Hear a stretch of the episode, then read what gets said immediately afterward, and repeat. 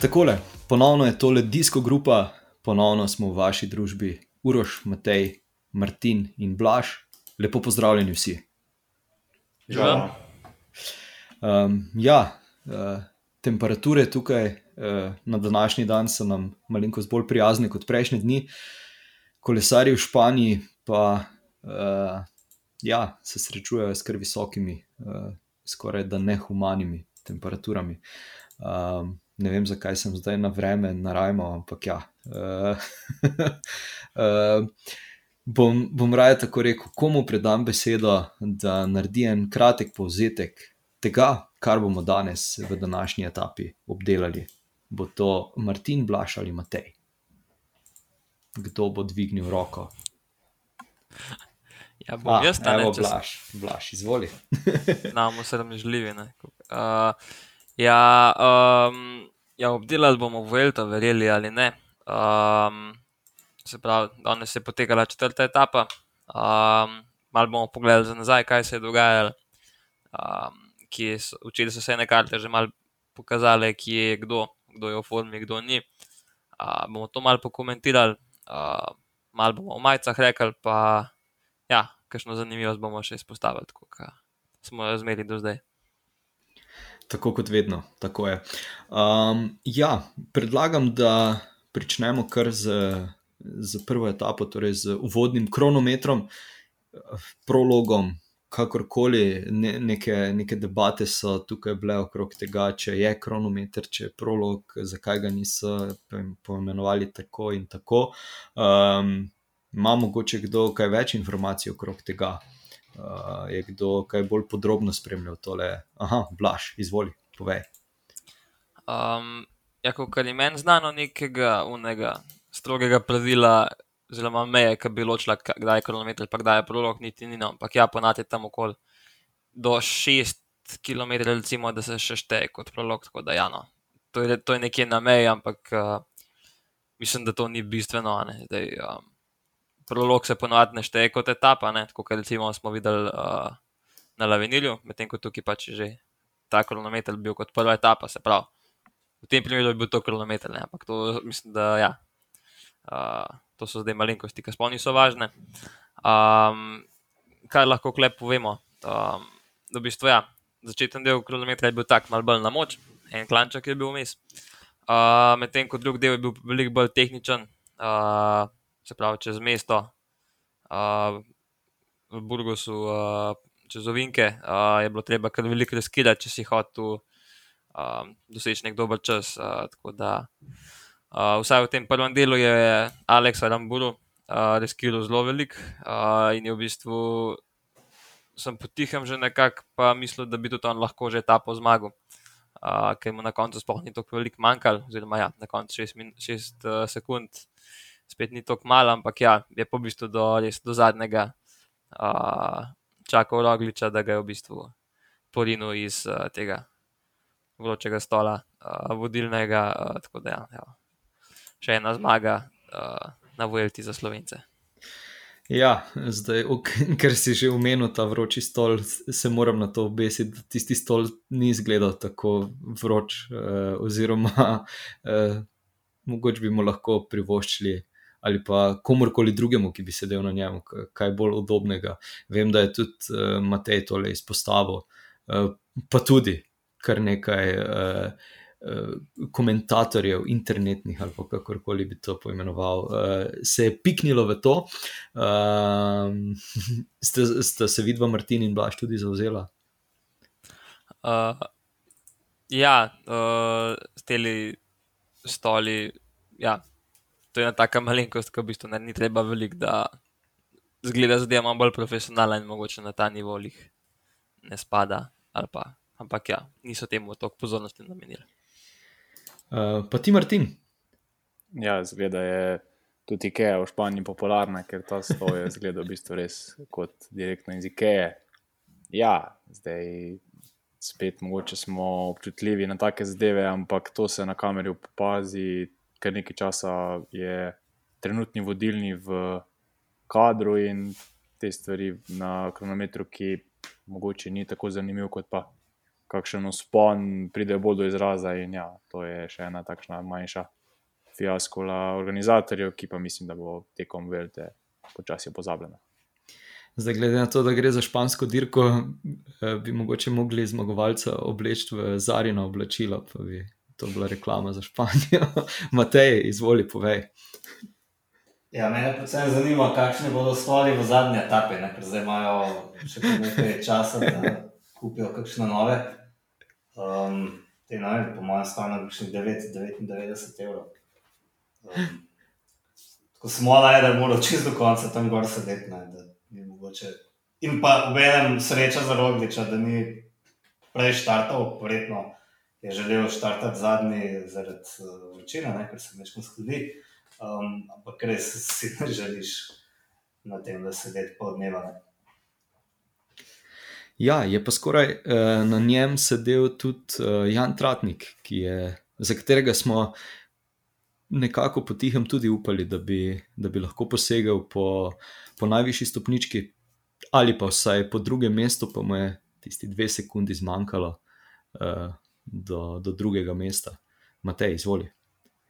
Ja, zanimivo je, da on ravno na teh krajših kronometrih, ali pa če jim rečemo, prolog, kako zelo dober.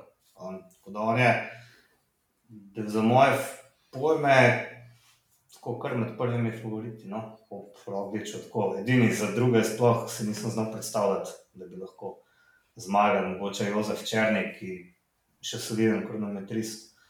Je pa res, da bi se Jan Tratnik bolj Čak, ne bi se prav za dolgo posedel, ker je tudi dosti pozno štartov, tako da, um, da tudi ne bi preveč bili raditi. Ja, tako je.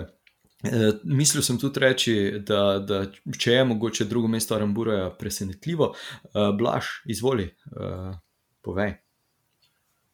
Um, ja, v bistvu Aramburo je en tak kolesar, ki še ni čest točno odkrit, um, ne ve se še točno kam spada. Um, je Pančer ali nek hribolazac, uh, zna biti tudi hiter v finiših, tako da uh, pokaže, da zna tudi prologe dobro voziti. Ja, no, mene je, je presenetilo.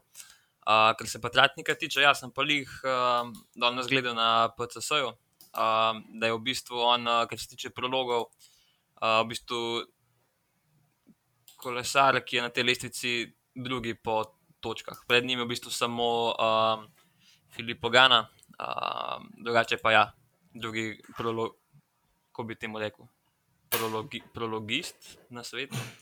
Ne vem, ne bom, ne bom se spomnil. Prologerji. Zelo dober je v prologu. Uvodničar, on je odličen uvodničar.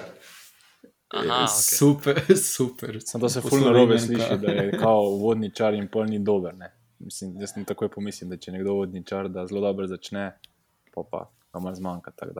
Mogoče bomo do naslednje epizode najdel kakšen boljši izraz, da prologista. Prolo, prologometrist. Uh, Matej, povej. Jaz mislim, da je Aleks Renburu predvsem izvrsten spust. Me prav zanima, ker njegove vožnje nisem videl, um, kako se je on kaj spustil.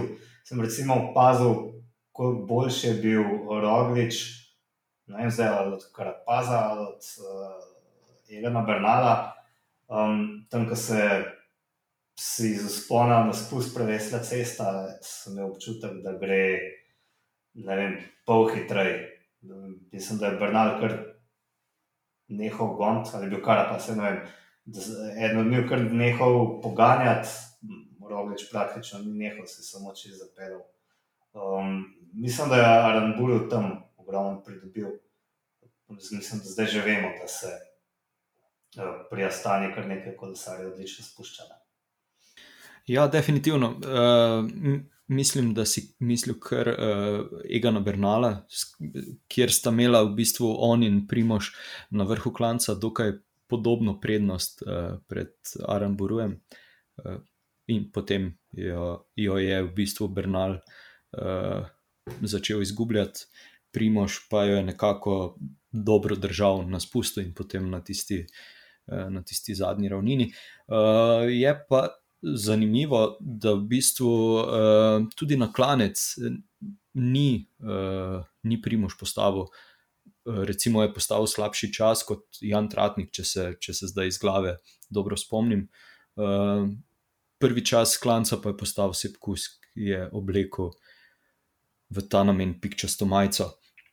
Um, kar še bi jaz tukaj izpostavil, je mogoče tisti, tisti neposrečeno, uh, neposrečen pedal Enrik Masa, uh, ki ga je skoraj da uh, položil na tla v tistem ovinku, s katerim pa so kar imeli določeni kolesarji težave. Zdaj, uh, ste mogoče tudi vi to opazili, se je komu še zdelo, kaj, uh, da je kateri kolesar tam mogoče kaj zapel ali pa karkoli drugega.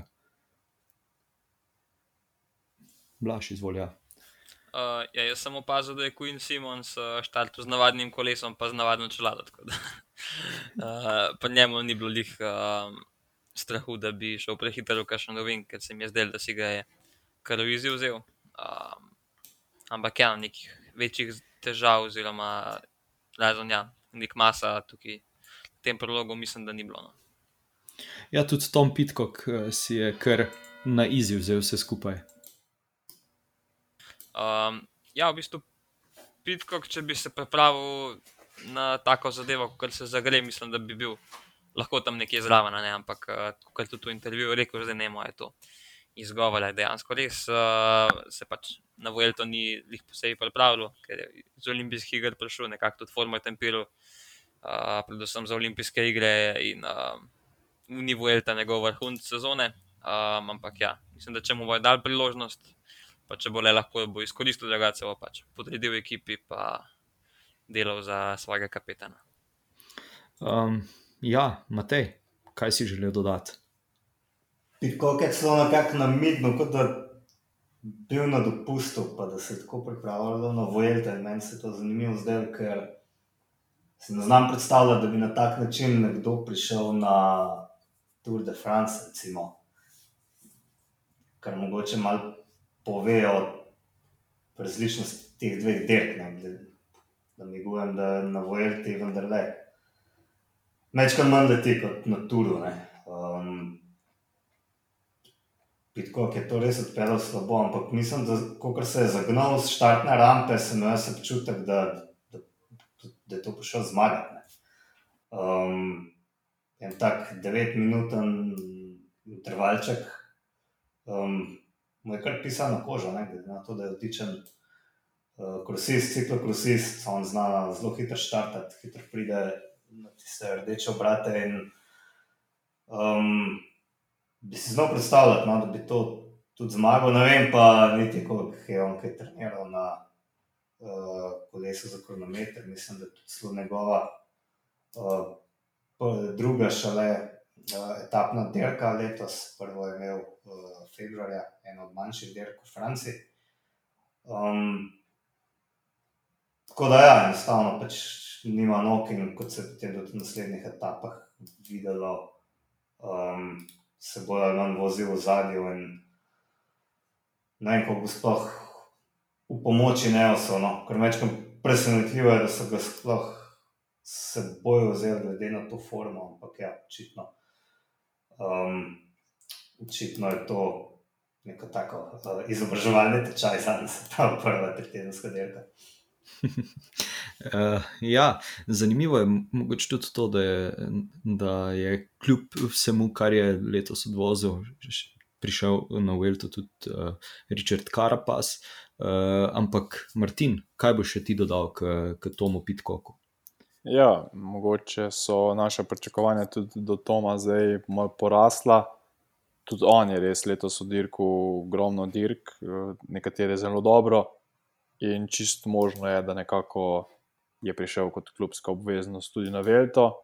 Sam sem predvsem dobro v, v vodnem kronometru, tako kot je Matej rekel, bi imel ta interval, lahko bi pisal na kožo še bolj, pa sem ga v bistvu danes pričakoval nekoliko više. Um, zdaj je res očitno, očitno je res prišel tukaj bolj kot. Ker je moral, kot pa ker bi imel res sam velike ambicije, ali pa se nekako vračuje za, za kasneje. Je pa res to, kar smo rekli, zelo mlad kolesar, prvič na trotedenski dirki po izjemno naporni sezoni, v kateri je dosegel praktično vse, kar si je verjetno več, kot si je verjetno želel. Tako da nekako ne smemo biti preveč kritični do njega. Uh, bomo pa videli, no, mislim, da še vse je to kolesar, ki lahko preseneti v, tudi v nadaljevanju te vojne. Ja, mislim, da absolutno lahko preseneti. Blaž, uh, pa izvoli še ti. Um, ja, bi sam tole, ki je Martin Dele omenil, da je, da je Pitcock še mlad. Um, v bistvu, ja, itak, da se strinjam, uh, se je Pitcock. Je, uh, moj letnik, ne, tako da je res še, še zelo mlad, ja, še ogromno časa ima pred sabo. Uh, ampak je pa zanimivo, da z vidika um, telih um, kolesarskih menedžerjev, uh, pa v bistvu um, kolesar kar naenkrat postane zelo veliko manj vreden, če ni več uh, kolesar do 23 let. Vsaj to opažam pri telih uh, kolesarjih uh, kontinentalnih ekip, da če pač do 23 let ne doseže nekih večjih rezultatov, je potem uh, ta uh, vstop v te močnejše ekipe, kar naenkrat veliko teži. In ja, tudi ne glede na to, če so pol dosegali dobre rezultate, je zelo veliko pol to končati, tako da v bistvu kolesar konča kariero samo zaradi tega, ker pač ni. Uh, pravočasno, se pravi, v 23 kategoriji dosegel teh dobrih rezultatov. Da, ja, nažalost. Zanimivo, zanimivo. Matej ima tudi tukaj nekaj za dodati še nekaj, zdaj imamo pol večera govoriti o Pitkoku. Ampak um, on je imel olimpijske igre, potem se je vzel dopust, šel na Vuelto, ker je za nič. Ampak on gre tudi na svetovno prvenstvo, ki bo mislim, 12. septembra. Je to res? Ne, mislim, da teden kasneje. Kasneje, kasneje. V glavnem, septembra je svetovno prvenstvo in on bo um, tam, po mojem, glede na konfiguracija proge, kar je eno od favoritov. Ne?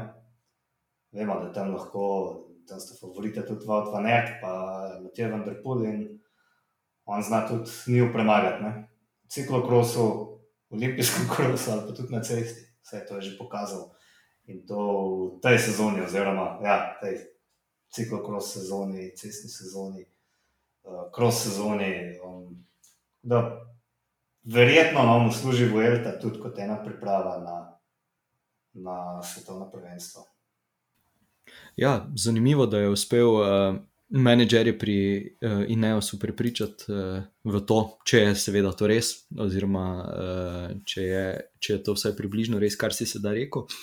Uh, si pa dal v bistvu tudi uh, eno izhodišče, torej še nekoga, ki je uh, osvojil. Uh, olimpijsko kolajno in si potem vzel nekaj dni premora, vse tako, vse tako pravi, uh, in uh, potem že uh, zmagal vodni kronometer, torej uh, govorimo o Primožu.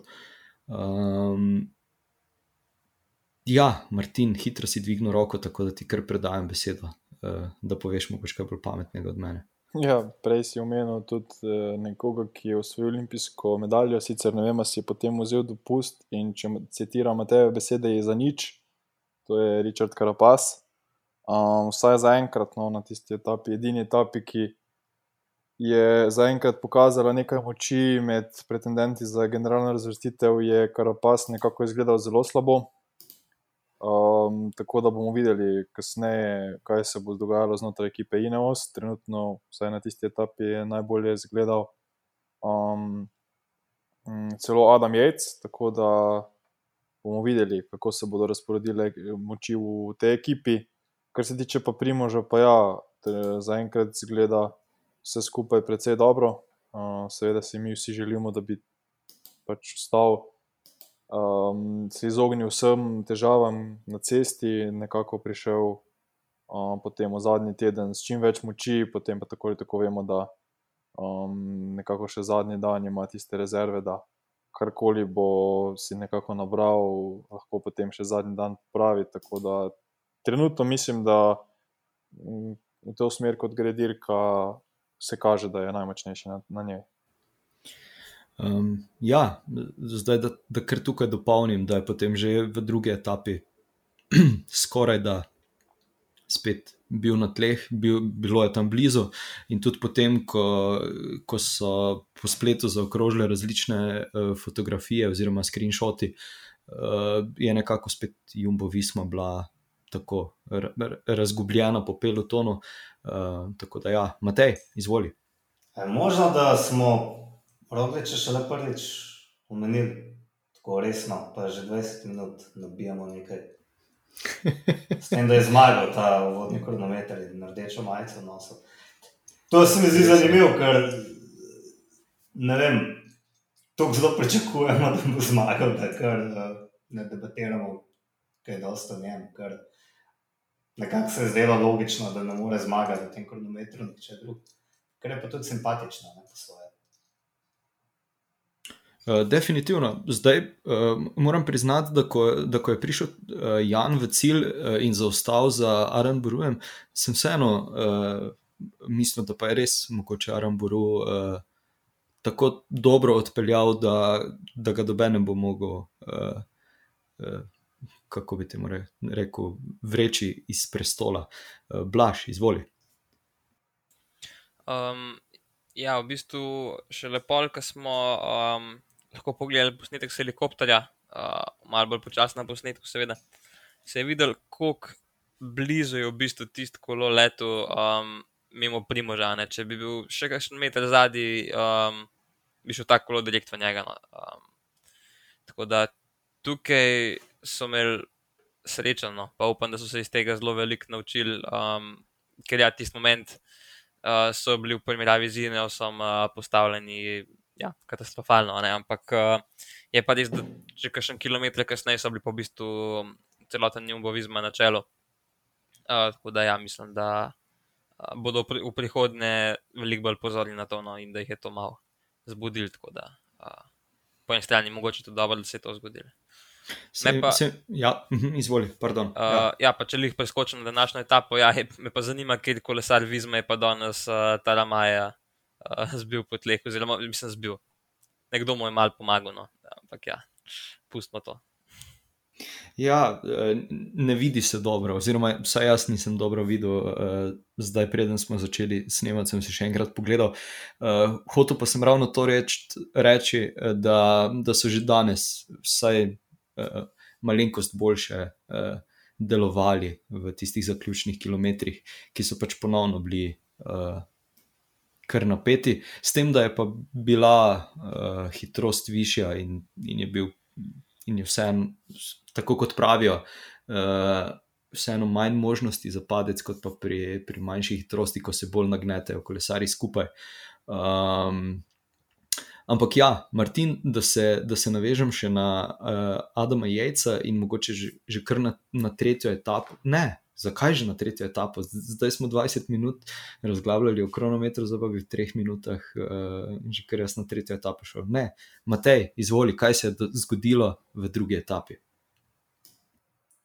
Uh, ja, zgodil se je sprint uh, v etapi, ker smo v bistvu vsi nekako pričakovali, pa nekateri tudi upali, da bo popestril veter, pa potem od tega ni bilo popolnoma nič, vse kar je bilo, je bila vročina.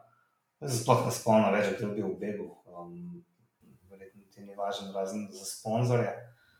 Um, na koncu pa en tak, zelo simpatičen sprint, v katerem je zmagal Jasper Philipsen pred Fabijem Jakobsenom in Majto Matthewsom. Um, tako na kratko.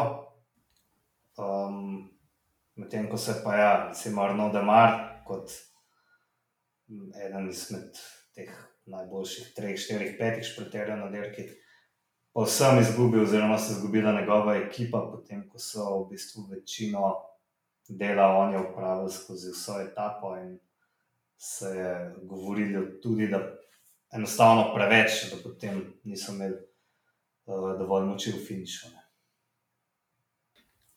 Um, ja, nekako so, so kar poskrbeli za nekaj kaosa v tistih uh, zaključnem kilometru. Bom tako rekel, um, Blaž, povej, izvoli.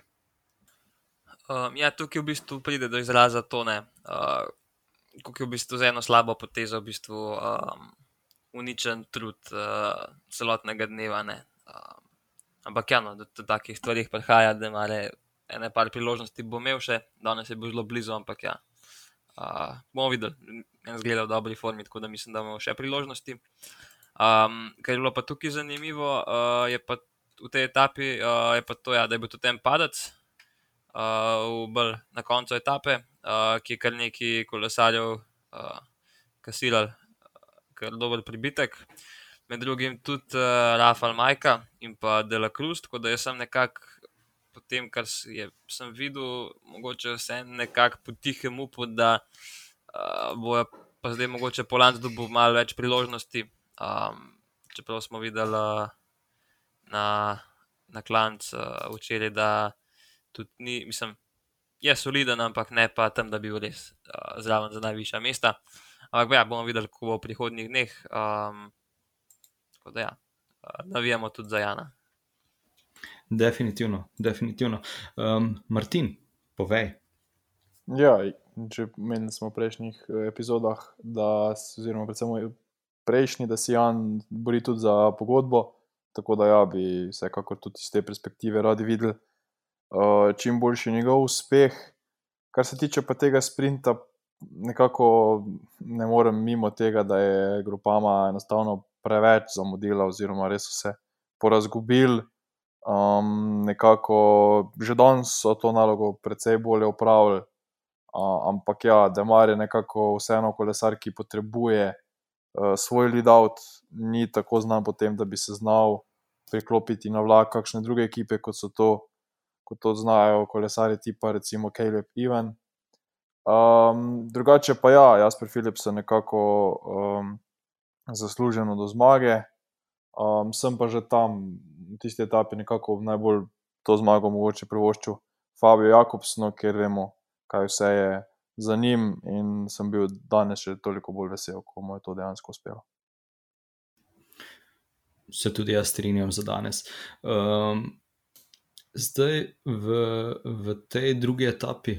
Ja, eh, da, se, da se navežem nazaj na Matejeve besede.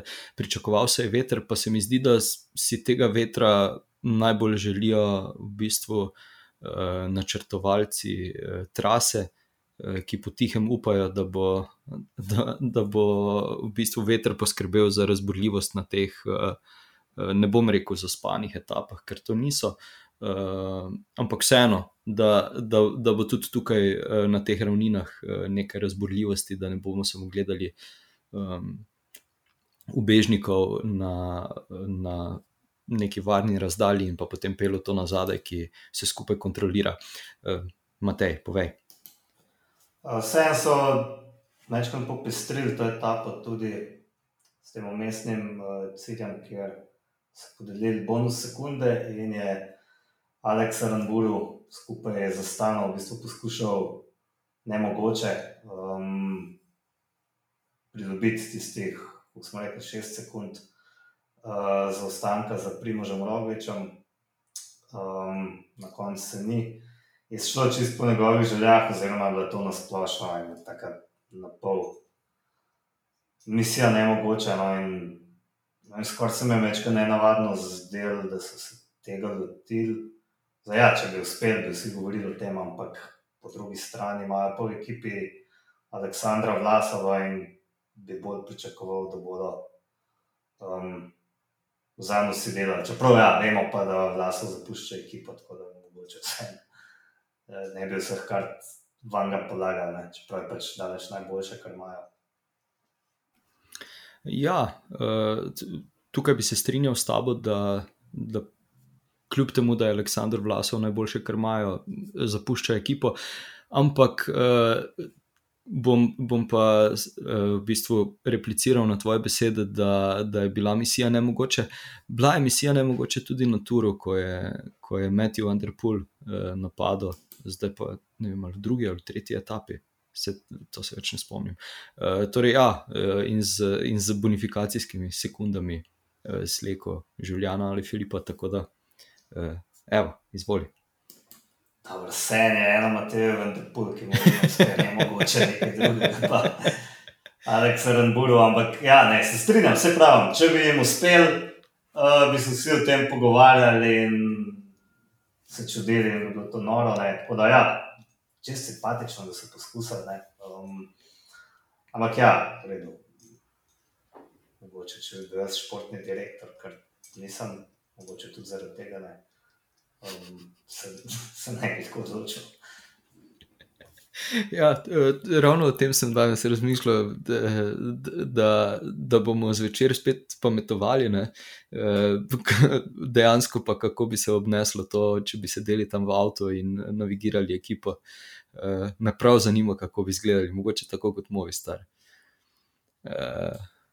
Kaj pa vem.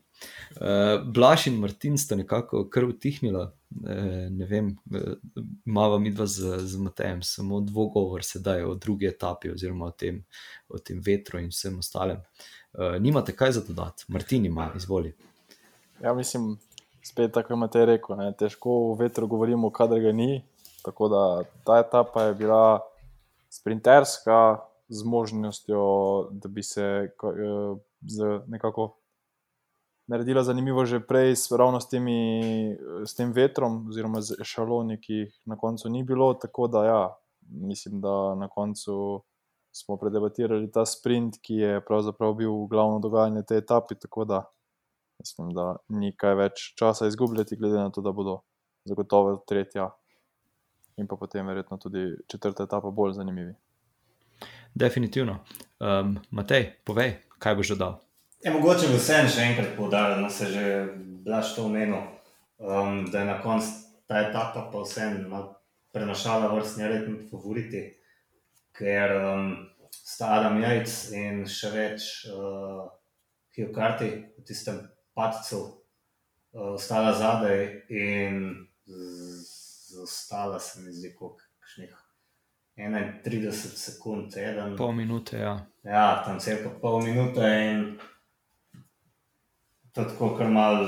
Isto bi se lahko zgodil pri Možu Rogliču, oziroma bi on verjetno, če bi kolo ga res zadev, oziroma on kolo še nekaj bolj nasankal. Um, to sem povedal, kako je vsaka taka etapa, v kateri zehamo cel dan. Lahko tudi ključno, da se kaj takega zgodi. Ne? Mogoče ravno zaradi tega, ker so vsi zehali cel dan. Ne? Če bi bil veter, bi mogoče bili bolj um, uh, prisedne, mogoče napačna beseda, bolj uh, skoncentrirani. Um, vemo pa, da se Adam Jejc zelo rad vozi zadaj, um, kjer je, ja, če me vprašate, dosti bolj varno z vidika tega, da je manj možnosti za nesrečo, ne? ker se vendarle nesreče dogajajo tam, kamor vsi rinajo, to je pa spredaj oziroma nekje na sred, kjer je ta boj.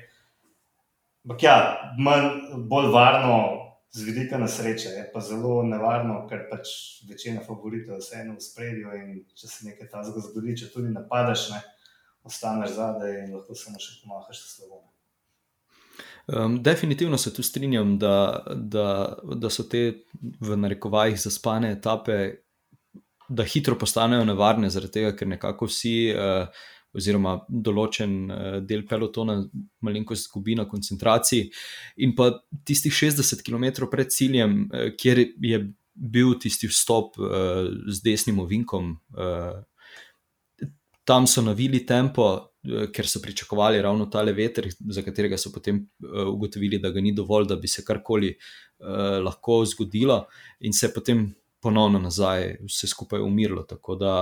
Um, Ja, Blaž, izvoli, dodaj. Uh, ja, jaz upam, da Matej zdaj niso poslušali moje fantje. Um, ne, Matej, voz se zmeri spredi, nikoli zadnji. zadnji se lastika dela, zadnji se vozi slabi, kolesari zadnji nimaš kaj za dela, če misliš se voziti zadnji, bež dam. Sam to povem. Jaz predvsem upam, da ga ni primož poslušal. Ja, razen če se eden od bratov jajc, ne? oni pa se bo zdaj zadaj. Ja, um... ja, in pa pride do tega, kako se je zgodilo. Ne? Absolutno, ja. ne, absolutno. Čudno, da se je zgodilo, da se ne dogaja vse čas. Ampak, ja. um, tako da, ja, fantje, spredaj se treba voziti. Razen če se kjer od vas piše jajc. Ja, pa smo rešili. Pa ne mu boja. Uh, ja, ok. In potem uh, je prišla tretja etapa. Zdaj, uh, dogovorjeni, oziroma dogovarjali smo se, da bi posneli uh, epizodo včeraj, ker sem že imel vse pripravljeno, da smo v treh dneh videli uh, in uh, kronometer, in šprintersko etapo, in gorsko etapo. Ampak vseeno, uh, ja, prišla je tretja etapa uh, s ciljem na klanec. Um, zdaj, tukaj bom kar v štartu uh, izpostavil Richarda Karapaza, ker sem prebral eno super opasko, na kar sploh nisem uh, pomislil. Uh, torej, dobil je 20-sekundni pribitek zaradi uh, jemanja hrane uh, na nedovoljenem delu uh, proge oziroma trase, uh, kjer nisem pomislil sploh na to, da je, da je v bistvu toliko bonkno, da je, da je potreboval hrano in je pač raje, raje uh, požrl teh 20 sekund, kot pa da bi uh, fasal kako minuto uh, ali pa več. Uh, do cilja. Martin, izvoli. Ja, to je bil mogoče nek dokaz, da vseeno, kar pa se letos na Velti ne gre po, po skupno razvrstitev, kaj ti je, ja, kot si omenil, se pravi, bil je pripravljen takoj sprejeti to kazen. Mislim, sej upam, da je vedel, da jo bo dobil, ker to so te stvari, ki jih kolesari njegovega kova enostavno morajo pričakovati oziroma vedeti. Tako da ja, bil je verjetno tudi popolnoma izmučen, se pravi, na koncu z močmi in mu je tista hrana pomenila to, da je sploh lahko prišel do konca v nekem, v čim, manjšim, čim manjšo izgubo. Vsekakor pa mislim, da je bilo tu jasno, da so nekako njegove ambicije uh, druge, da bo verjetno potem kasneje šel po kakšne. Uh, bolj po kakšne etapne zmage, in pa mogoče tudi Karapas, nekako zdaj po teh olimpijskih igrah, računa na svetovno prvenstvo kdo bi vedel. Prej že imate omenil, da so sicer favoriti druge, ampak ne zmaga vedno favoriti na svetovnem prvenstvu in mogoče pa kar pas tudi uh, z enim očesom gleda že na svetovno prvenstvo. Um, ja, ampak Egan Bernal je dal izjavo, da, da to še vedno ne pomeni, da, to, da, da postaja on edini uh, voditelj v, v Ineosu. Blaž, izvoli. Um, ja, no, to so pol že te igrice, ki poskušajo malo preusmeriti pozornost. No, jaz mislim, da pač Bernal še par dni nazaj je v izjavah uh, govoril, da je um, njegov, ta moment njegov največji cilj, kar je zmagati v Eltonu. Tako da, ne, da nima zdaj kaj bučk prodajati, da, da se ne ve, kdo je kapetan. Mislim, mislim, da je to jasno, ampak ja. Um, več kart, ki imajo, z večjimi kartami, ki lahko igrajo, boljše. Um, tako da, ja, uh, bojo tudi ostali, um, vsaj z nekimi pripravami terena, nekimi napadi, lahko zelo veliko pomagali. Uh, oziroma pač, da bomo videli tisti klasičen Sky in osvlakac na klance, čeprav jaz upam, da ga bo. Da ga bo Primož že prej razsunil, to bi bilo zelo lepo videti. Um, pa ja, mogoče, če rečemo še kakšno besedo o tem zadnjem usponu na Pikom Blanko um, kaj se v bistvu sploh spredi dogaja. Ne? V bistvu je všel en beg, tako mečkan večji, že prej poravnam. In so si prevozili tako, kar solidno prednost, mislim, da je en moment znašala tudi 9 minut. Um, ampak so potem, ja, do podklanca v bistvu, um, večinoma je bila na vetru Jumbo Vizma uh, to prednost kar uh, precej zmanjšala. Ampak je v bistvu ja, beg na koncu vseeno prišel do cilja. Uh, zmagal je Renta Ramaje, uh, ki se ga mogoče kdo spomni tudi kot zmagovalca dirke po Sloveniji. Uh, sem pozabil, kje ga leta, ampak ja, takrat še v Dresu Katjuše, uh, ko je zmagal na Golte. Uh, ja, vzel je tudi rdečo majico. Uh, kaj se je pa zadnji dogajalo, v bistvu. Uh, Enrik Mas je v bistvu v tistih zadnjih metrih uh, probu uh, skočiti, narediti par metrov razlike. Uh, in ker ga, noben, ker ga ni noben drug pokril, ga je mogel pokriti Lopes. Na mest uh, nekoliko večje prednosti je imel na koncu, uh, par sekund. Uh, tri sekunde, ja. Tri sekunde, ja. No. Mislim, da se tukaj silih. Zdaj, kakšne večje prednosti ne mogo prevoziti, ampak ja, vsaka sekunda šteje. Ampak uh, je bilo butast videti nekaj tasga, spet pa lih mu veste, ne je le, nekako morajo uh, nabrati uh, video material za tretjo sezono uh, svoje serije.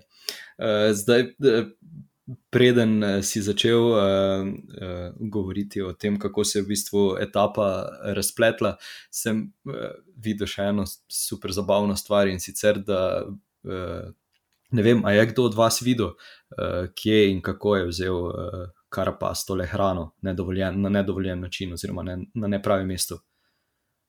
Ne, Ne, okay, nisem. okay. Eh, No, eh, da, da, da v bistvu eh, ni, ni nekega dokaza za to, in da je v bistvu dobil 20 sekund samo zaradi tega, ker nima zlatega kolesa. Ne. Ker tudi tukaj mislim, da se vsi strinjamo, da tole njegovo kolo ni zlate barve, ampak je bronaste. Um, tako da, ja, Martin, izvoli. Ja, o tem kolesu smo mi v naši skupini predebatirali že veliko, preden se je Vojda sploh začela, ko so objavili prvo sliko tega kolesa. Moram priznati, da zgleda vsaj v živo, oziroma na televiziji, nekoliko boljš, kot pa je izgledal tist, tisti posnetek um, od prej iz, na, recimo na Instagramu, ampak še vedno, ja, to je neka oranžno-rjava, še slabša bronasta barva ki bi jo recimo bolj vozil tedej, kot pa Karapas. Tako da ja, tu so nekako brcnili v temo, sploh pa zato, ker so mu dodali zraven še resnično zlato čelado in je ta, ta kontrast še toliko bolj očiten, da, da tam ne gre za zlato barvo. In ja, zanimivo, no? da se, da se recimo proizvajalec kolesa kot je Pinarello nekako naredi nekaj takega, mi je kar zelo zanimivo. No? Um, ja, se, tudi tu moram dodati, da, se, da, se da bi se mogli proizvajalci vse med sabo malenkost pogovoriti, ker tudi uh, laser ali laser, ne, ne vem kako se pravilno izgovori, uh, ima malenkost drugačen odtenek kot, uh, kot servelo od, uh, ja, za kronometrsko kolo, ki so ga naredili pri možu. Blaž, izvoli, kaj bi dodal. Ja, ampak ta odtenek uh, zdaj ni tako opazen, kot je prekar opazil, uh, ker so spalili barvo totalno. No. Sej ne da je, ne da je grd kolo, se kolo je lepo. Zelo ampak, lepo. Ampak Ja. ni zlat, pač, kot bi mogel biti. a Ne, če pogledamo, ne vem, Navar ima to kolo začetka sezone, ne tisto pač. To je zlata, ne pa to, kar gledamo tukaj v bistvu. Ne.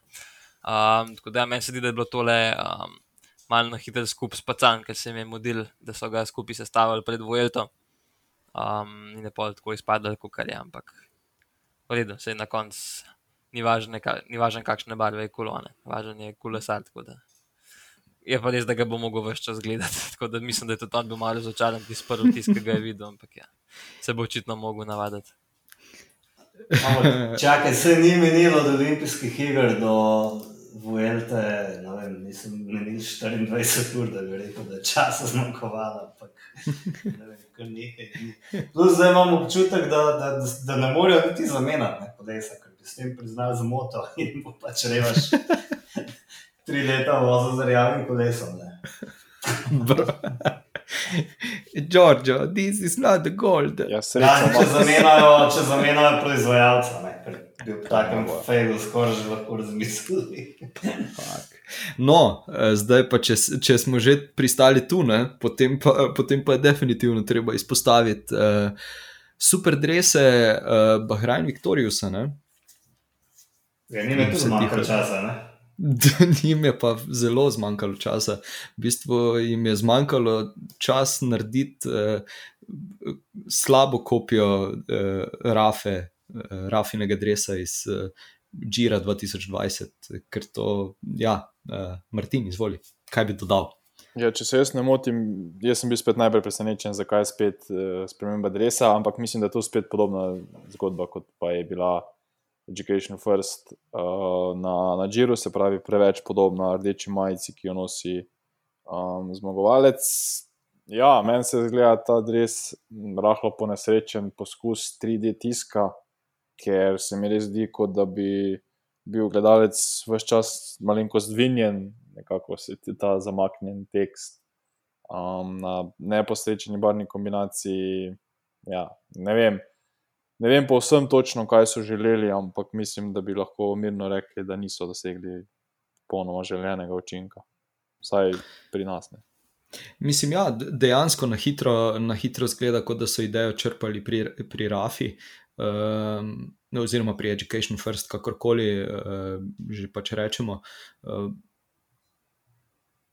Matej, vem, da še vedno mnenja, da je tisti Rafin dres bil grd. Uh, meni se zdi ravno nasprotno. Um, ampak ta, ta pa moram priznati, da mi je tega res ne bi oblekel. Um, tako da ja, up, upam, da nismo koga preveč užalili. Ja, sreča, saj tratnik, dirko od res državnega prvaka. Ja, zgolj prvo in zadnjo eh, etapo. Meter, ja. ja. Um, ok, uh, omenili smo torej super taktiko Movistarja. Zdaj, kar bi še jaz omenil, eh, je to, da je bil Lilian Kalmežan kar zelo aktiven, ker mu pač dejansko drugega ni preostalo, kot da se poskusi uh, otresti vseh. Uh, tam pred začetkom klanca ali pa hitro na začetku klanca. Na koncu mu ni uspelo. Uh, za trenutek sem tudi mislil, da, da bo mogoče uh, Dombrovskemu uspelo. Ja, kako ste vi, kako se je vam zdelo, uh, ko ste gledali ta beg, blaš, izvoli. Um, ja, v bistvu, kar me žanje, um, je znan po tej zelo agresivni vožnji. Um, ne glede na to, ali je to enorodina dirka ali etapna zmer, uh, v bistvu zelo velik napad, zelo aktiven. Um, včasih ga to tudi pol uh, tepe, ne recimo, jaz se zelo dobro spomnim. Iste etape na Turu 2017, um, ki jo je zmagal, ki so ga v bistvu 1-2 km pred ciljem, uh, kar če začel grabiti, v bistvu je mogel za nekaj sekund uh, čist nekaj poganjati, pa dara, da je v bistvu sploh lahko šel naprej. Tisto je ta pa sicer vse en zmagal. Um, Tako da, ja, no, en tak kolesar, ki ga jaz eh, ne bi rad imel zraven v begu, če bi lahko zbiral. Um, ja, tukaj nekako moj tihi favorit je bil uh, Kurt Dombrovski, um, tisto etapo, ki je zmagal tudi na Džilu. Uh, je pokazal, ja, da lahko zmaga tudi na takem nivoju. Um, torej, imajo v bistvu ja, nekaj časa, se je dobro vozil, pa je bil pa kar malo pozabljen. Um, mogoče velja omeniti, da edina etapna zmaga na trotinskih dirkah, ki jo je dosegel, je bila na Vuelti in sicer točno deset let nazaj. Da, uh, najbolj gre za nek tudi svoj vrstni rekord. Um, zmagati na tak način, uh, s tako veliko časovno razliko. Um, predvsem pa je to zelo velika zmaga za Intermanše v Antiguber. Um, ne zmagajo jih uh, prav velikrat, ampak uh, ja, no, ne glede na vse, jaz sem zelo vesel. Uh, ker tako le kakšna taka manjša ekipa zmaga, kakšen outsider, ki v bistvu noben ne pričakuje. Um, tako da, ja, no, meni je take stvari lepo videti. Um, definitivno se strinjam. Uh, in tu je v bistvu takoj moje podprašanje, ker sam nisem pričakoval tega, da bo, da bo zmagala obežna skupina. Mislil sem, da se bodo vseeno uh, udarili pretendenti za, za skupno razvrstitev. Uh, ste tudi vi to pričakovali, ali ste si mislili, da okay, je danes dan za beg, Matej, uh, izvoli, ti si prvi dvignil roko. Pa nam juci. Oprosti. Ni problema. Uh, izjemno bi bil presenečen, če ne bi uspel beg. Jaz sem zelo predvideval, da bo vmes uh, razlika še večja, kot je bila. Spratum, kot je bila, smo rekli, največ 9 minut. Um, mislim, da bi lahko bila še več, na koncu celo komaj, komaj, ne, rente, da me, um, mislim, komaj.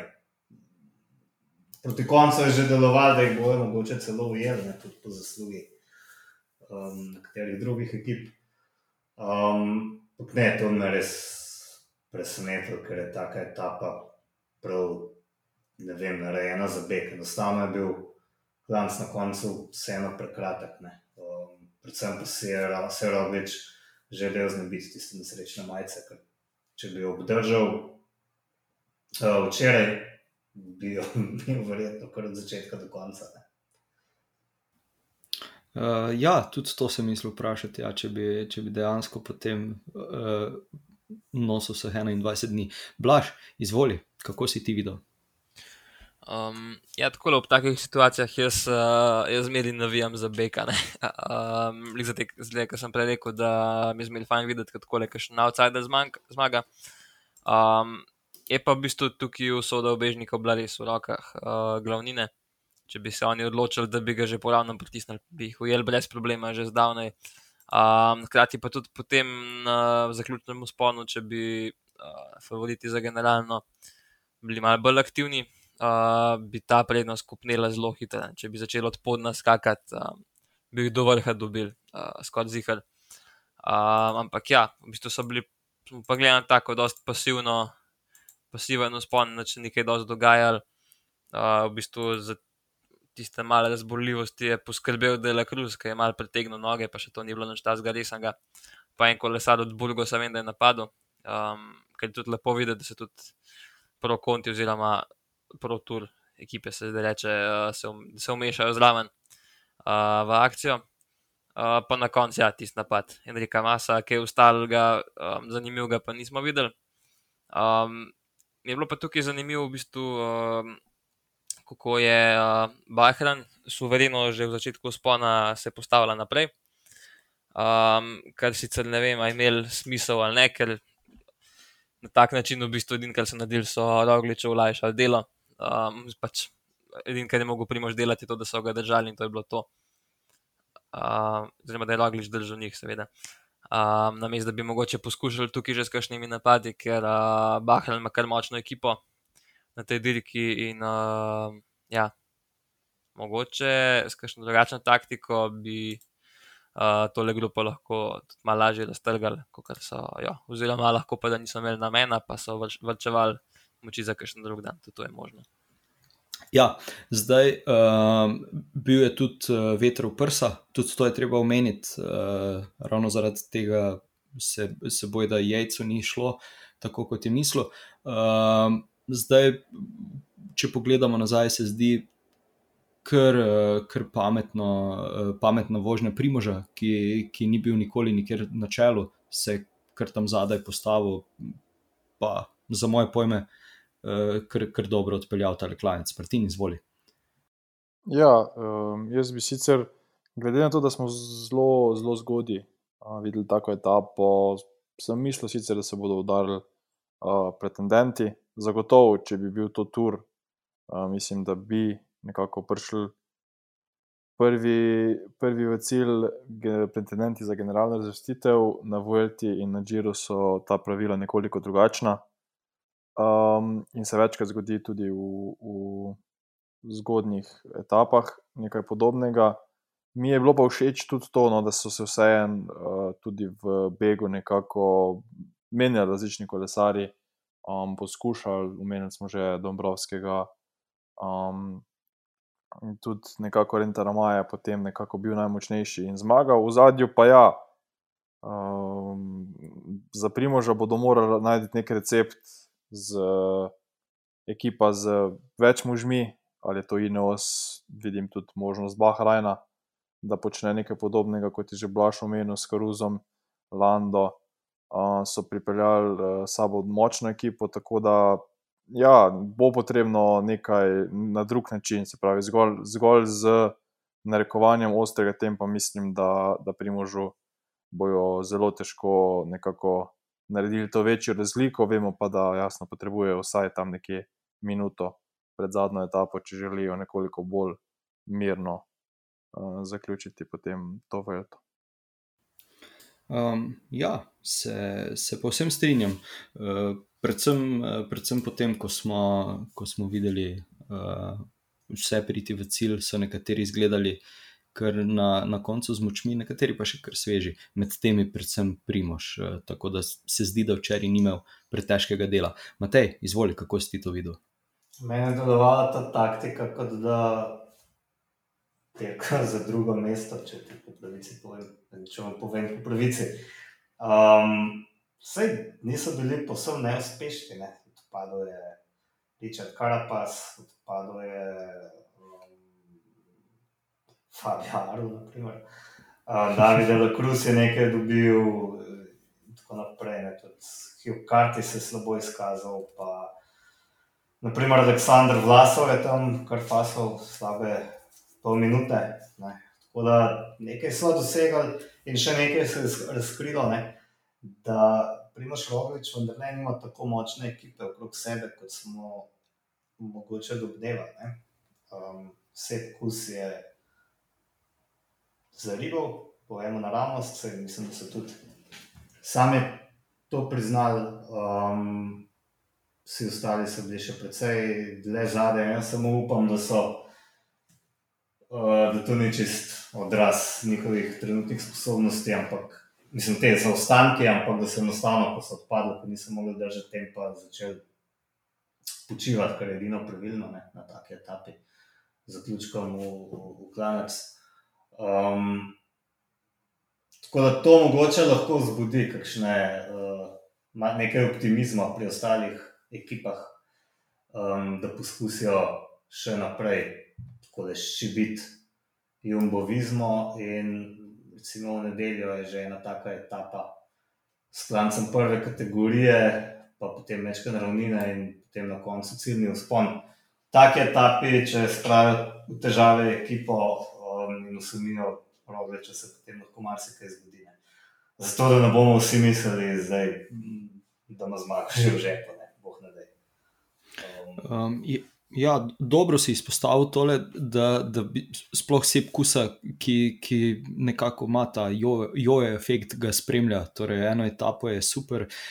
Sploh po tistem vodnem kronometru uh, smo nekako vsi mislili, ok, zdaj pa, zdaj pa imajo v bistvu dva uh, pri vrhu, ki lahko parirata, oziroma s katerimi, s katerima se lahko malenkost igrajo. Uh, pa se je zdaj na koncu tole izkazalo za, za bolj tako, že v tretji etapi se je v bistvu uh, ta taktika, ne bom rekel, zdaj podrla, ampak uh, ja, po drugi strani pa ja, podrla. Ja, pa se ne vem, če je to taktika podrla, se je vedelo, da so vsi rogličevi pomočniki še precej bolje bilo to očitno, recimo, kot pri Neosu, ker še vedno večkrat dvomim, da je, um, da je Egan Bernal zdaj eden in edini, glede na to, da se je ravno v tej etapi Adam Jaric pelil odlično in je v bistvu, ne vem, če sploh odprl usta do vrha. Um, ampak ja, je. Vsekakor jim bo vizmo ne deluje zastrašujoče, kot je recimo na lanskem turu, pa recimo tudi na letošnjem, vse zadnje, ne, ko so bili med najboljšimi ekipami. Tako da gotovo bo še zanimivo. No. Če jih dobijo, ne vem, muškarje, par ekip, ki se ne vem, niti ne dogovorijo, noče med seboj, ampak vsaka ima neke svoje interese, lahko hitro pride do težav, ne, jim bo vizni, če prezgodaj razpadajo. Absolutno, absolutno. Uh, zdaj, ponavadi to rečem, mislim, da, da se strinjamo, da je čas, da mogoče gremo na četrto etapo, ker smo zdaj o tretji kar, kar, kar nekaj že povedali, oziroma menim, da dovolj. Uh, se strinjate? Se strinjam. Okay, okay. Uh, torej, ja, današnja četrta etapa je ponovno postregla s uh, sprintom. sprintom. Um, zdaj po spletu se je pojavilo kar nekaj eh, različnih profilov tistega zaključnega, kaj bi temu rekli, klančka, niti ni klanček, eh, pač cesta. Malenko zdvignjena cesta, tako je. Ja. Eh, zdaj v, tisti, tistem roadbooku, ki je baje, prišel en ven, pa potem kasneje spet drug, je očitno kar nekaj napak ostalo. Tako da, ja, Martin, izvoli, povej. Ja, kot za koga, verjetno, če bi se jaz ali pa kdo od nas peljal po tem te ceste, bi to bil kar klanec za kolesarje, ko pa pridejo v, v grupi s hitrostjo tam med 50 in 60 km/h, pa vse skupaj ni tako zelo strmo, oziroma vsaj uh, lažje prevozljivo. Pa tudi ni bilo take dolžine, da bi, da bi človek rekel, da, da lahko gre za resen klanec. Tako da, ja, false flat, zaključek se, se um, pogosto uporablja v takšnih primerih. In pa ja, vsaj osebno sem pričakoval, da bodo sprinterji z klasičnimi sprinterji, se pravi na tej dirki, sta to predvsem uh, Demar in pa Jakob Sen. Uh, Tudi Filip je nekoliko imela več težav, vsaj za Demarja bi bil pripričan, da, da danes ne bo tako zelo v spredju. Fabi, uh, Fabi Jakobsen in pa Filip Sen sta že dokazala, da sta tudi uh, kolesarja, ki lahko v nekoliko težjih sprintih, se pravi, nek, s tem false flat zaključkih, uh, dobro sprintata. In pa predvsem sem pričakoval, kot sem včeraj napovedal, Michaela Matthewsa nekoliko više, ampak očitno Matthews ni več v takšni formi, kot je bil še kakšno sezono, oziroma sedaj lahko rečemo bolje že dve. Nazaj, tako da nekako smo, smo dobili pravzaprav popolnoma klasičen sprint, uh, v katerem pa je uh, kljub temu, da je grupama FDŽ po zares katastrofalni prvi etapi, oziroma zaključku prve etape, to etapo nekako odpeljala precej bolje, predvsem v zelo odlični položaj pripeljala um, svojega sprinterja Arnoja Demarja, ki pa na koncu ni bil kos uh, odličnemu zaključku Fabio Jakobsena. Ki je po, vsem, po vseh težavah, ki jih je imel v zadnjih dveh sezonah, res um, zmagal še sedaj tu etapo na Velti in se res uh, vrnil v velikem slogu. In samo upamo, lahko, da to ni bila njegova zadnja zmaga na letošnji Velti. Ja, uh, ko sem si še drugič pogledal uh, tale sprint, se je mi za trenutek zdelo, da je mogoče prehitro uh, ostal brez vlaka Arno Demar, mogoče kakih, uh, kaj bi temu rekel, 50 metrov. Uh, tako da se, se dam rokavico, da se poigramo, mogoče tudi s to možnostjo.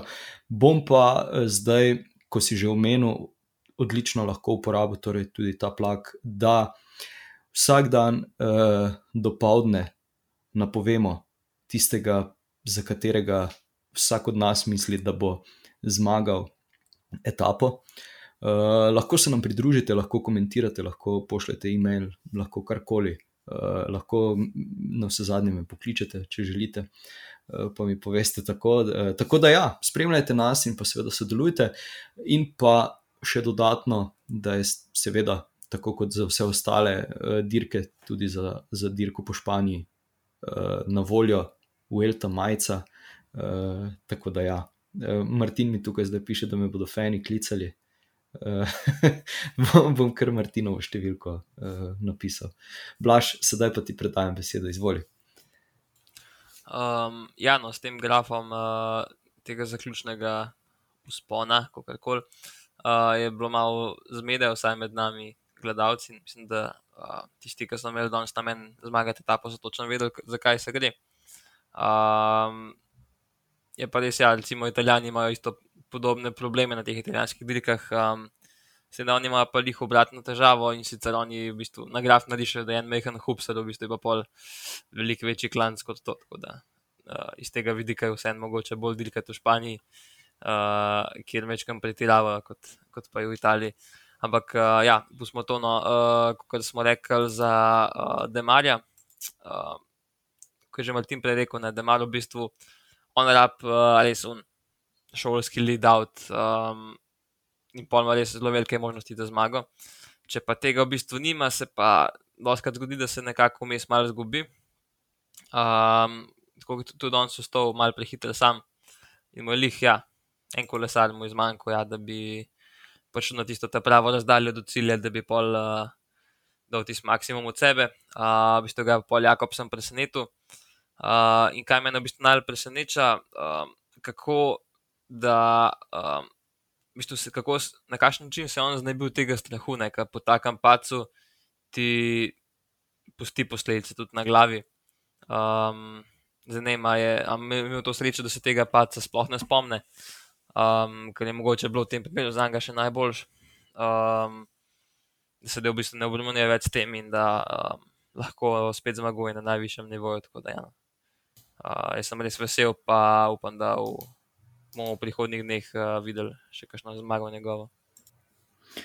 Ja, definitivno se strinjam. Uh, tukaj bi še samo izpostavil, mogoče, da, da tudi eh, Luka Mezgec, Michaela Matthewsa, skoraj da vedno pripelje v odlično pozicijo, ki pa je, ki pa je Michael žal ne izkoristi, uh, zdaj ali se mu ne poklopi ali kakorkoli. Um, vidim pa, da bi Matej še rad nekaj dodal, izvoli Matej če smo že pri Michaelu Matthewsu, jaz imam bolj občutek, da on nikoli ni na kolesu od Luka Mezgeca, pa bi bilo mogoče bolj, da bi bil že v drugi etapi, ga je iskal v Mezgec levo, pa desno, pa je bil vem kje. Uh, zdaj je bil spet desno od mezgaca, spet je mezgac okrog gledal, kje ga ima. Ne, ne vem točno, kaj ima tam. Oziroma kaj ima Metjas. Um, kar se pa Fabija Jakobsena tiče, ja, to res, kot vem, se on dejansko ne spomni te nesreče, nima pojma. Mislim, enostavno nima spomina, um, kar je najbolj bila kar sreča, nesrečenje, no vse zadnje. Um, jaz sem se imel priložnost prejšnji teden pogovarjati uh, z Alešem Pirihom, ki je imel tudi nesrečo, ki, je, ki so jo opisovali športni direktori, ki so bili prisotni kot nekaj najhujšega, kar so kdaj videli. In je tudi večkrat bolj v pogovoru, ki bil jutri na Rundi objavljen, mimo grede, odprl oči. Um, kako hudo tak padec dojemajo kolesari, ki to vidijo, ne? kako v bistvu nažene nekaj strahu vse, tudi kako on zdaj dojema kolesarstvo. Um, tudi meni grede, ker so šla en krog, sem opazil, kako previdno gre v Vink. Um, tako da tukaj je to z zelo velik, velik korak na redu, Fabio Jakobsen ne dve sezoni. On je v bistvu rabil manj kot eno leto, da se je vrnil in to zmagovalno. On se je v začetku lanskega avgusta tam skoraj ubil, da je tako jasno, njegovo življenje je dejansko veselo na nitki. Ko kar vem, so odločile minute in tako naprej, to, to je bilo res grozno. Um, v manj kot enem letu je prišel nazaj in zmaguje po zelo zahtevnih operacijah. Um, že na vse zadnje priti v fizično tako formo. Um, glede na to, da je bil dolge, dolge mesece brez kolesa, je, je noro in še enkrat več mogoče se pokaže, kakšen talent ima ta možakar. Res, res je, se strinjam. Se strinjam. Um, zdaj, uh, super, da si, da si to izpostavil. Zdaj bom še eno stvar izpostavil, uh, ki, ki bo malenkost spremenila resnost teme, uh, ampak s, s, s tem uh, nič kaj, uh, ja, da ne zabluzim. Super, odlično pa je uh, deloval uh, šprinterski vlak uh, Movistarja ponovno, tudi v četrti etapi. Uh, tole sem rekel, da moram izpostaviti, tega, ker so se na vse pretege trudili. Pa sem potem šel prav pogledat in je Miguel Angel Lopez zasedel odlično 21. mesto. Um, ja, eh, kaj, kaj, bom, kaj bomo rekli? Zaradi tega, ker te stvari res uh, počasi uh, ne vemo, kaj točno želijo doseči. No. Martin, izvoli. Ja, vemo, zagotovo, prej si že omenil zbiranje materijala za uh, serijo na Netflixu. Uh, druga stvar je zagotovo tekmovanje v njihovi razvrstitvi, se pravi, uh, ekipni razvrstitvi, kjer mimo grede trenutno še ne vodijo, uh, zostajajo za ekipo UAE. Tako da tu bo očitno potrebno še nekaj narediti. Um, ja, vsekakor, na mesto, da bi tam v zadnjih kilometrih nekako vrčevali z močmi, za prihodne etape, enostavno ne vemo, no. popolnoma, kaj se je zgodilo. Ali so imeli kakšne informacije, ki jih mi nimamo, da je kdorkoli zaostal. Videli smo, da temu ni bilo tako.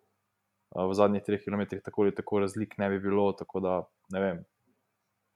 Ne vem popolnoma, kaj so želeli tam narediti, ampak ja, zanimivo bi bilo imeti tu gosta, ki bi bil dejansko znotraj njihove ekipe, ki bi znal povedati, kaj se dogaja uh, v teh trenutkih, ker vemo, da tudi tisti posnetki v seriji iz avta niso nujno povsem takšni, kot so v resnici, ker vemo, da se kakšne stvari zagotovo izrežejo in mogoče tudi dvakrat posnamejo. Tako da ne bomo verjetno nikoli izvedeli, kaj točno se je dogajalo v, v ekipi.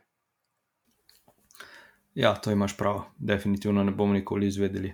Um, vsaj ne vsega. Um, Matej, po, povej, kaj bi dodal. Ne vem, jaz malo pretiravamo. Ne vem, pač države so se v spredju, ne na vse zadnje, vse to delajo. Ja, ampak tam je izgledalo, kot da pripravljajo nekaj. Ne? Uh, tudi tud komentatorje na Eurošportu sta sicer senzacionalno napovedovali sprint uh, uh, Alejandra Valverde. Ja, ja Ampak... je bilo dobro. Ja. Ja. Um,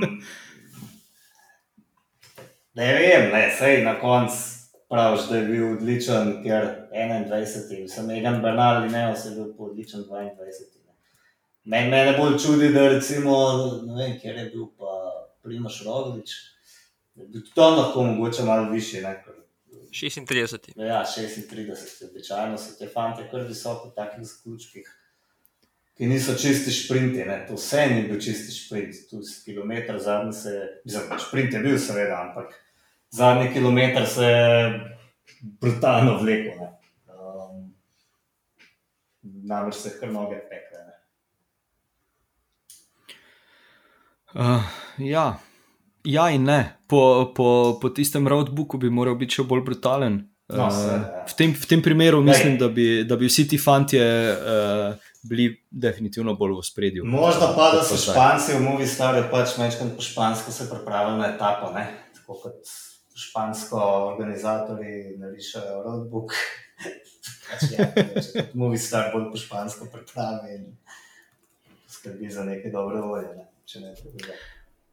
Ja, res je. Eh, zdaj, um, po štirih etapah uh, so majice razdeljene tako, da, im, da rdečo in pikčasto nosita ramaje, zeleno ima Jakobsen in pa belo Egan Bernal uh, za mladega kolesarja.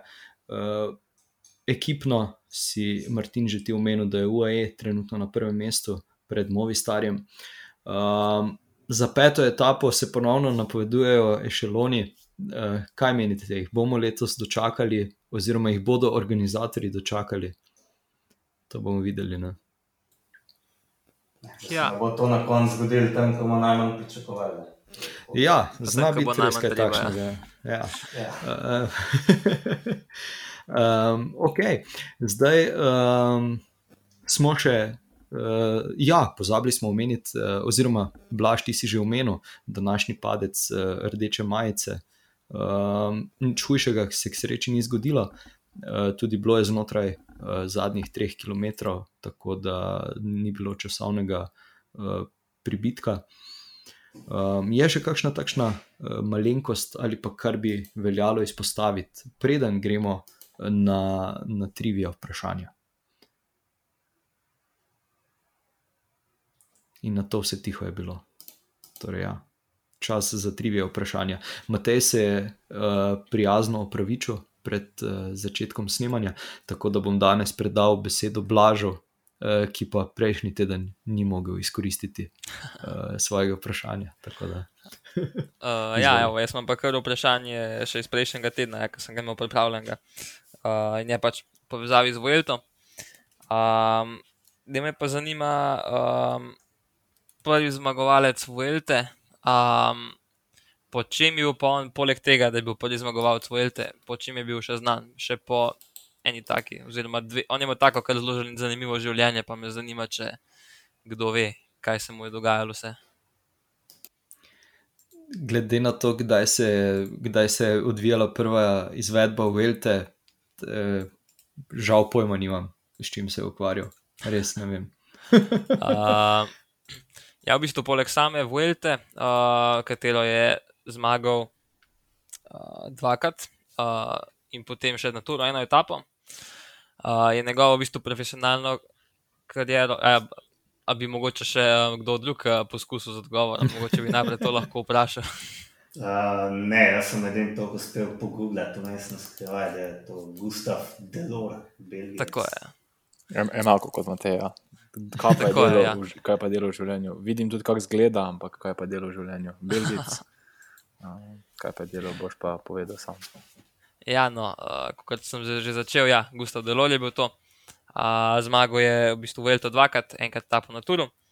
Uh, potem pa v bistvu je njegovo kolesarsko kariero prekinila uh, druga svetovna vojna, um, kjer pa je um, bil uh, zajet v bistvu en lep del vojne je preživel v koncentracijskem taborišču, kjer pa je imel srečo, da je ta oficir tega taborišča bil zelo navdušen za šport uh, in uh, v bistvu mu je dal možnost, da je v tem taborišču kuhal. Uh, tako da Uh, po njegovih navedbah mu tam ni bilo prav hudo, za razliko od ostalih. Um, potem pa po drugi svetovni vojni uh, je pa odpotoval v Ameriko, kjer si je pač v bistvu ustvaril novo življenje. In uh, začel je delati v letalski industriji, na kar je v bistvu prišel uh, do tega nivoja, da je delal tudi za nas. Tako da um, imel je v bistvu res od kolesarja do kuharja v koncentracijskem taborišču do uh, delavca v nas. Kar je ena taka zgodba za eno knjigo ali pa za film, se mi zdi. To pa je res širok razpon. Zdaj sicer malenkost eh, črnega humorja, ampak tam, ko si omenil uh, koncentracijsko taborišče in da mu je dal oficir priložnost, sem že mislil, da, da je lahko s kolesom proizvajal energijo. E, to bi nekako tudi šlo z, z tem skupaj. Električno ja, energijo, seveda. Še dobro, da se ja. niso spomnili tega. Ja, ja res je. Um, ok, uh, vrhunsko, Martin, izvoli. Ja, in to energijo bi verjetno še na sebe uporabljali, po možnosti. Uh, ja. Uh, ja. moje, vprašanje, moje vprašanje ne sega tako zelo zgodovino in je v bistvu, kdo je največkrat uh, tekmoval na Vuelti in koliko krat bi to bilo? Uh, 17 krat. Pa ni Valverde, ne? Ne, ni, ni, ni Valverde. Kdo drug, ja. Ja, ni Valverde. Uh, Ja, od leta 94 do leta 2010. Imam prav. Po mojih Ali podatkih, vsaj ne. No. Ok, potem pa, potem pa pojma nimam. Mislim, se itak se ne spomnim primka, ampak uh, ja. Mislim, če, če moje, moje podatki ne varajo, je bil to prav Anton, uh, Alejandro Valverde, ponovno sem ga imenoval Antonijo. In to 15 krat. Um, uh, je pa možno, da moje podatki, oziroma moja raziskava, Uh, ni najbolj natančno, tako da bom zdaj še samo enkrat. Ne bi rekel, ne bi rekel.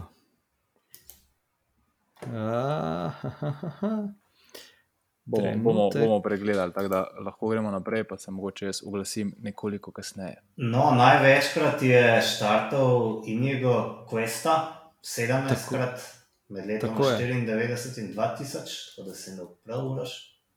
10, 2010. Ja. Do 2010, pardon. Ja. Uh, zaključil jih je 13.